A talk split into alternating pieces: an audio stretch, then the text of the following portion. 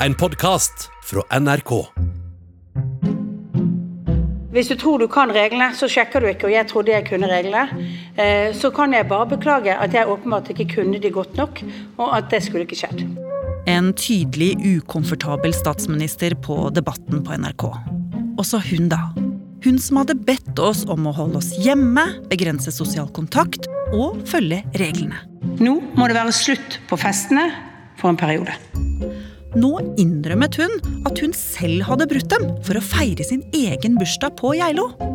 Og nå etterforsker politiet statsministeren for brudd på smittevernforskriften.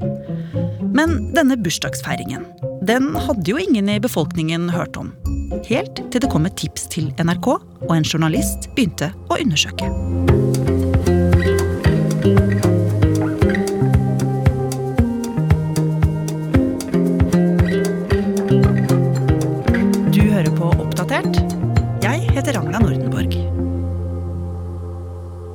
Anne Cecilie Remen, du er journalist her i NRK Nyheter. Og siste helga i februar, da var du en av veldig mange nordmenn som tok seg vinterferie. Kan ikke du fortelle hvor du var da? Jeg var på ski på Geilo. Fantastisk vær, fantastiske forhold. Så ville jeg kjøre slalåm. Så det fikk jeg de andre med på. Og så, da vi hadde satt eh, skiene inn i bilen og skulle dra av gårde til den andre siden, så syns jeg at jeg så noen kjente. Eh, et par. Nede på veien. Kvinnen var kraftig og går på en spesiell måte, og det er liksom bare én som går på den måten. Og det lignet Erna Solberg og mannen Sindre Finnes.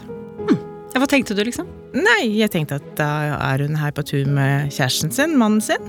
Men jeg visste hun akkurat hadde fylt 60, og ja, de var sikkert på en hyggelig tur de to sammen. Jeg tenkte ikke noe mer over det. Etter litt mer skigåing dro Anne Cecilie hjem igjen til Oslo og tok fatt på hverdagen. Og en dag da hun satt og scrolla på Instagram, dukka det plutselig opp et bilde av Erna Solberg og mannen hennes på Geilo.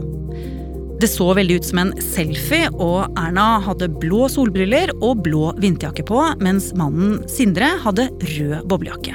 Og så sto det under 'Vinterferie på Geilo med mannen jeg snart har vært gift med i 25 år'. Og så tenkte jeg det var jo hun jeg så.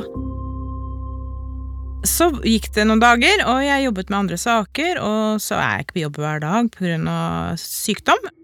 Men en morgen da Anne Cecilie satt på redaksjonsmøte på Teams, så sa sjefen Vi har et tips som vi burde jobbe med.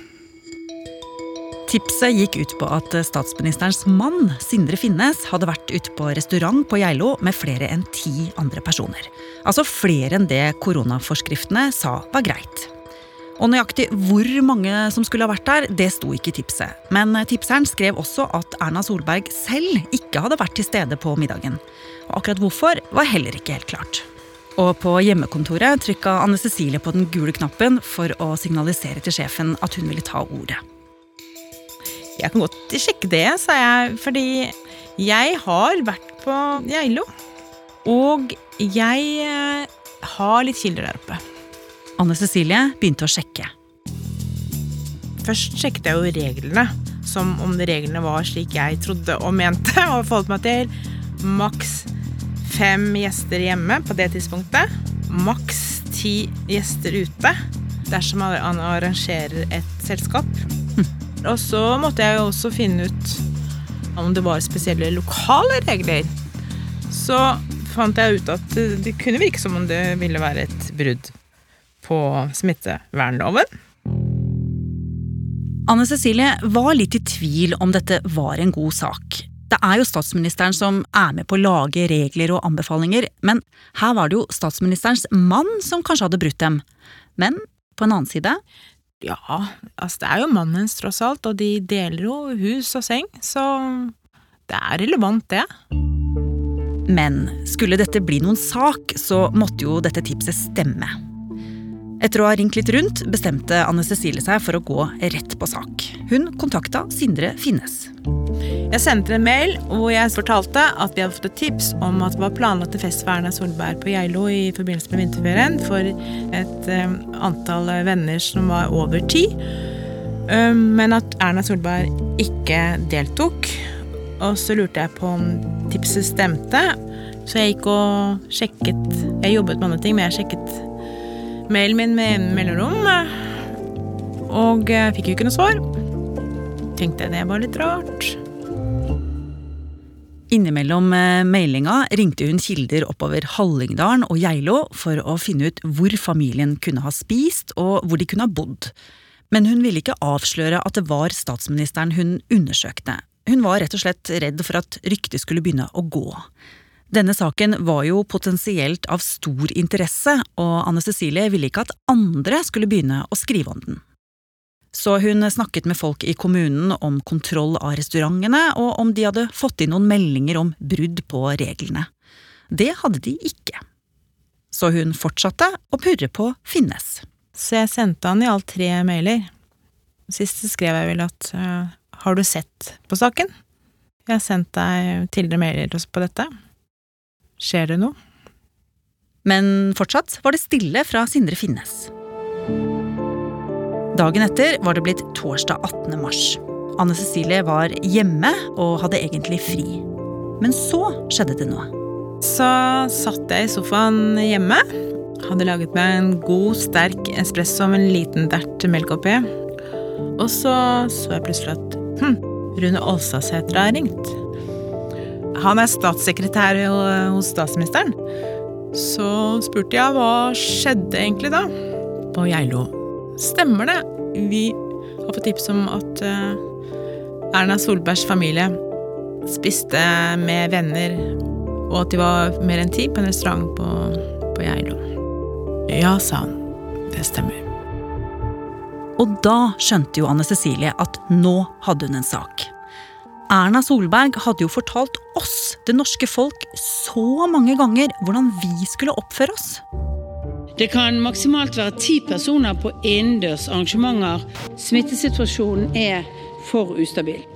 Det betyr bl.a. at alle fortsatt bør begrense sosial kontakt. Men det var ikke bare det.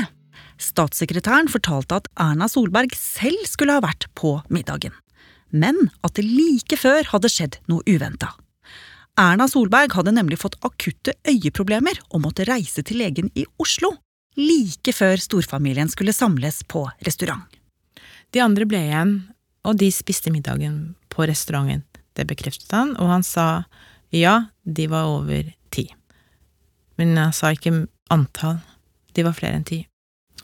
Og så sa jeg vel, ja, men dette er jo brudd på smittevernreglene. Og det bekreftet han. Statssekretæren fortalte at familien hadde tolket middagen som innafor smittevernreglene. Ja, de var flere enn ti, men de satt ikke på langbord, men på tre småbord i god avstand til hverandre.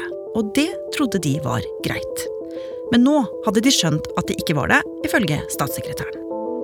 Og Anne Cecilie ble enig med han om at hun kunne sitere ham på dette i en sak til nrk.no. Men hun ville jo fortsatt ha et intervju med Erna Solberg selv for å høre hva statsministeren selv tenkte om saken. Og han lovet henne et intervju og sa at han skulle komme tilbake til henne med et tidspunkt. Da de la på, begynte Anne Cecilie raskt å ringe rundt til kilder. Nå kunne hun jo endelig fortelle at saken gjaldt Erna Solberg og hennes familie. Men det begynte å haste. Hun var nervøs for at statsministerens egne folk skulle legge ut sin versjon av saken og ta regi på denne historien før hun rakk å publisere noe. Så hun forta seg, og etter hvert som hun ringte rundt, fikk hun mer detaljer om middagen. Og nå kunne hun skrive i nettsaken at familien hadde fått servert fjellørret til forrett, villsau til hovedrett og panasje av flytende marsipan til dessert. Alt med vin som passet til. Og hun fikk også endelig bekreftet hvor mange over grensa på ti stykker selskapet hadde vært. Det vi da forsto, var at Erna Solberg hadde planlagt å gjøre noe helt annet enn hun faktisk rådet og ba innstendig alle andre nordmenn om å gjøre. Hun planla å sitte sammen med 13 andre i et rom og spise middag. Når regelen var at man ikke skal feire en bursdag ute på restaurant med mer enn ti stykker. Her skulle det være 14. Anne Cecilie leverte saken til sjefen sin. Men jobben var ikke over med det. Dagsrevyen ville gjerne ha en reportasje til sendinga klokka 19. En TV-sending som nærmere 800 000 nordmenn pleier å se på hver eneste kveld. Og det ville hun jo gjerne prøve å få til.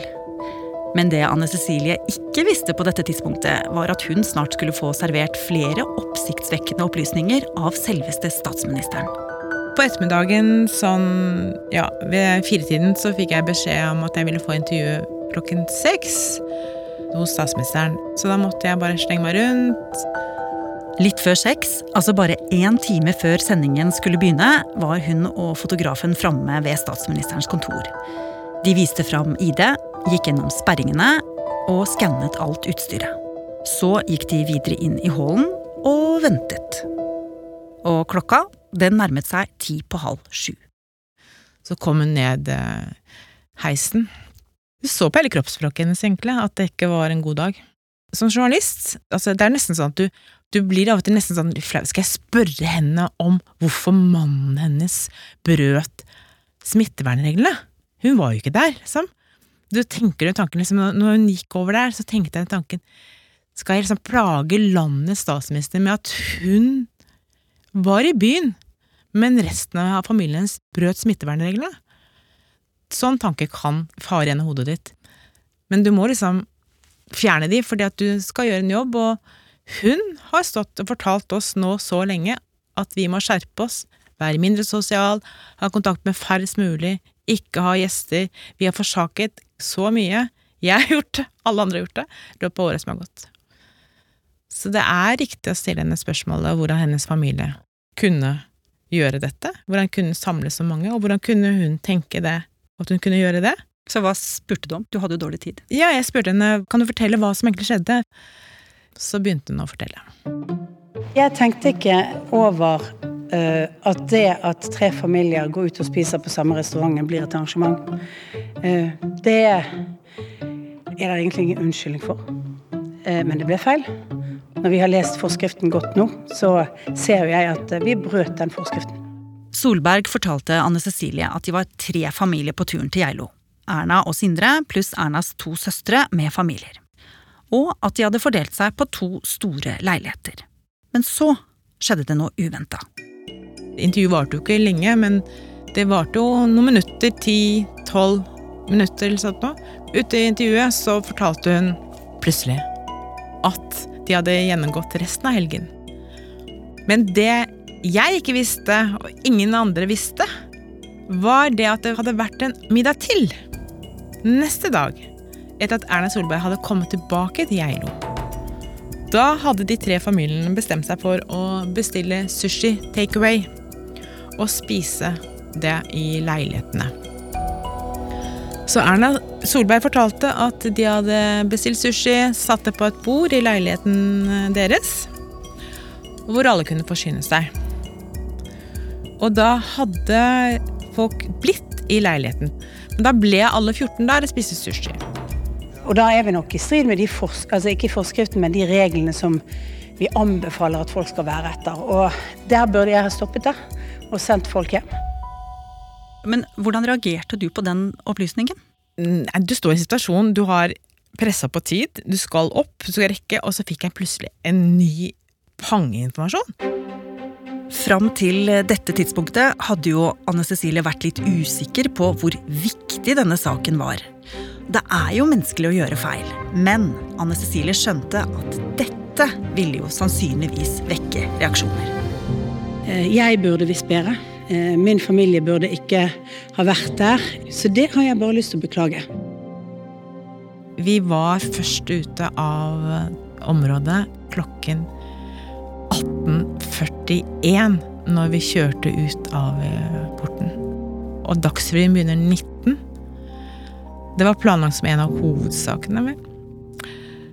Så jeg sendte melding til eh, vaktsjef at vi er på vei opp, saken er enda bedre.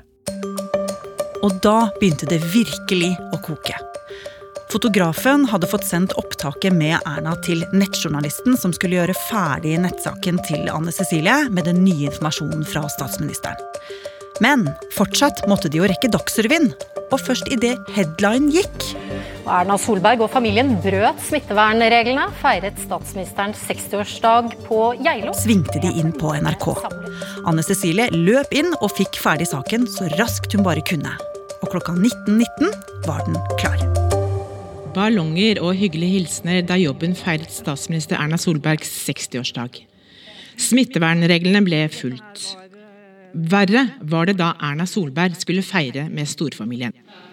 I kveld legger hun seg helt flat.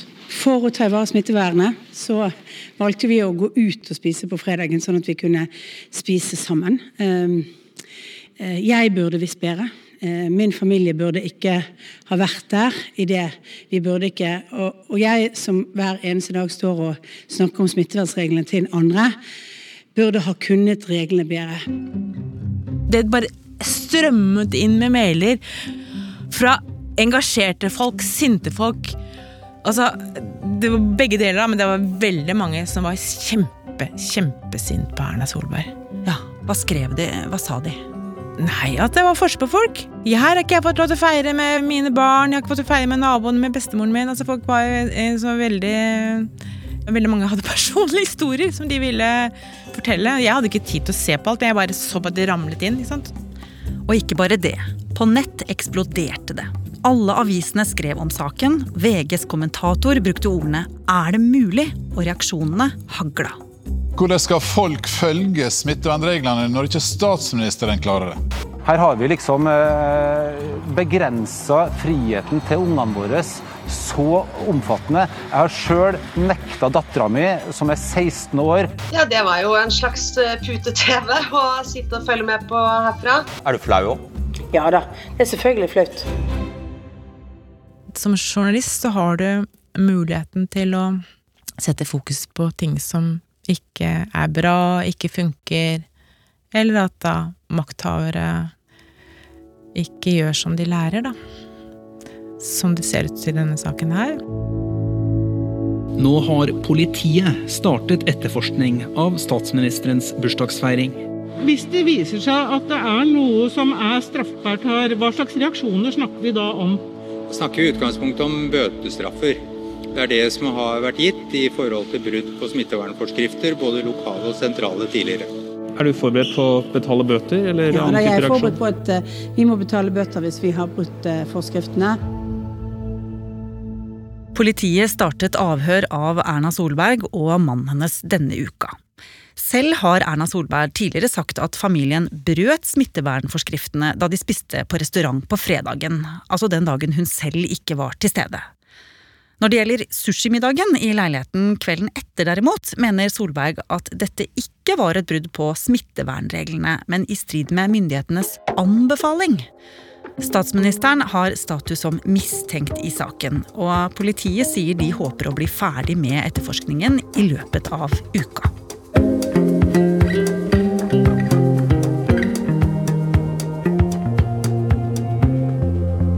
Har du lyst til å bli fast lytter av oss i Oppdatert og få påminnelse om nye episoder, er det bare å følge oss i NRK radioappen. Og så er det veldig hyggelig hvis du vil anbefale oss til en venn. Oppdatert er en podkast fra NRK Nyheter, og denne episoden er laget av Irina Kjelle, Mariann Strand, Andreas Berge og meg, Ragna Nordenborg. Eva Midthun Leira er redaksjonssjef. Vil du kontakte oss, gjør gjerne det på oppdatert krøllalfa nrk.no. Du har hørt en podkast fra NRK. Hør flere podkaster og din favorittkanal i appen NRK Radio.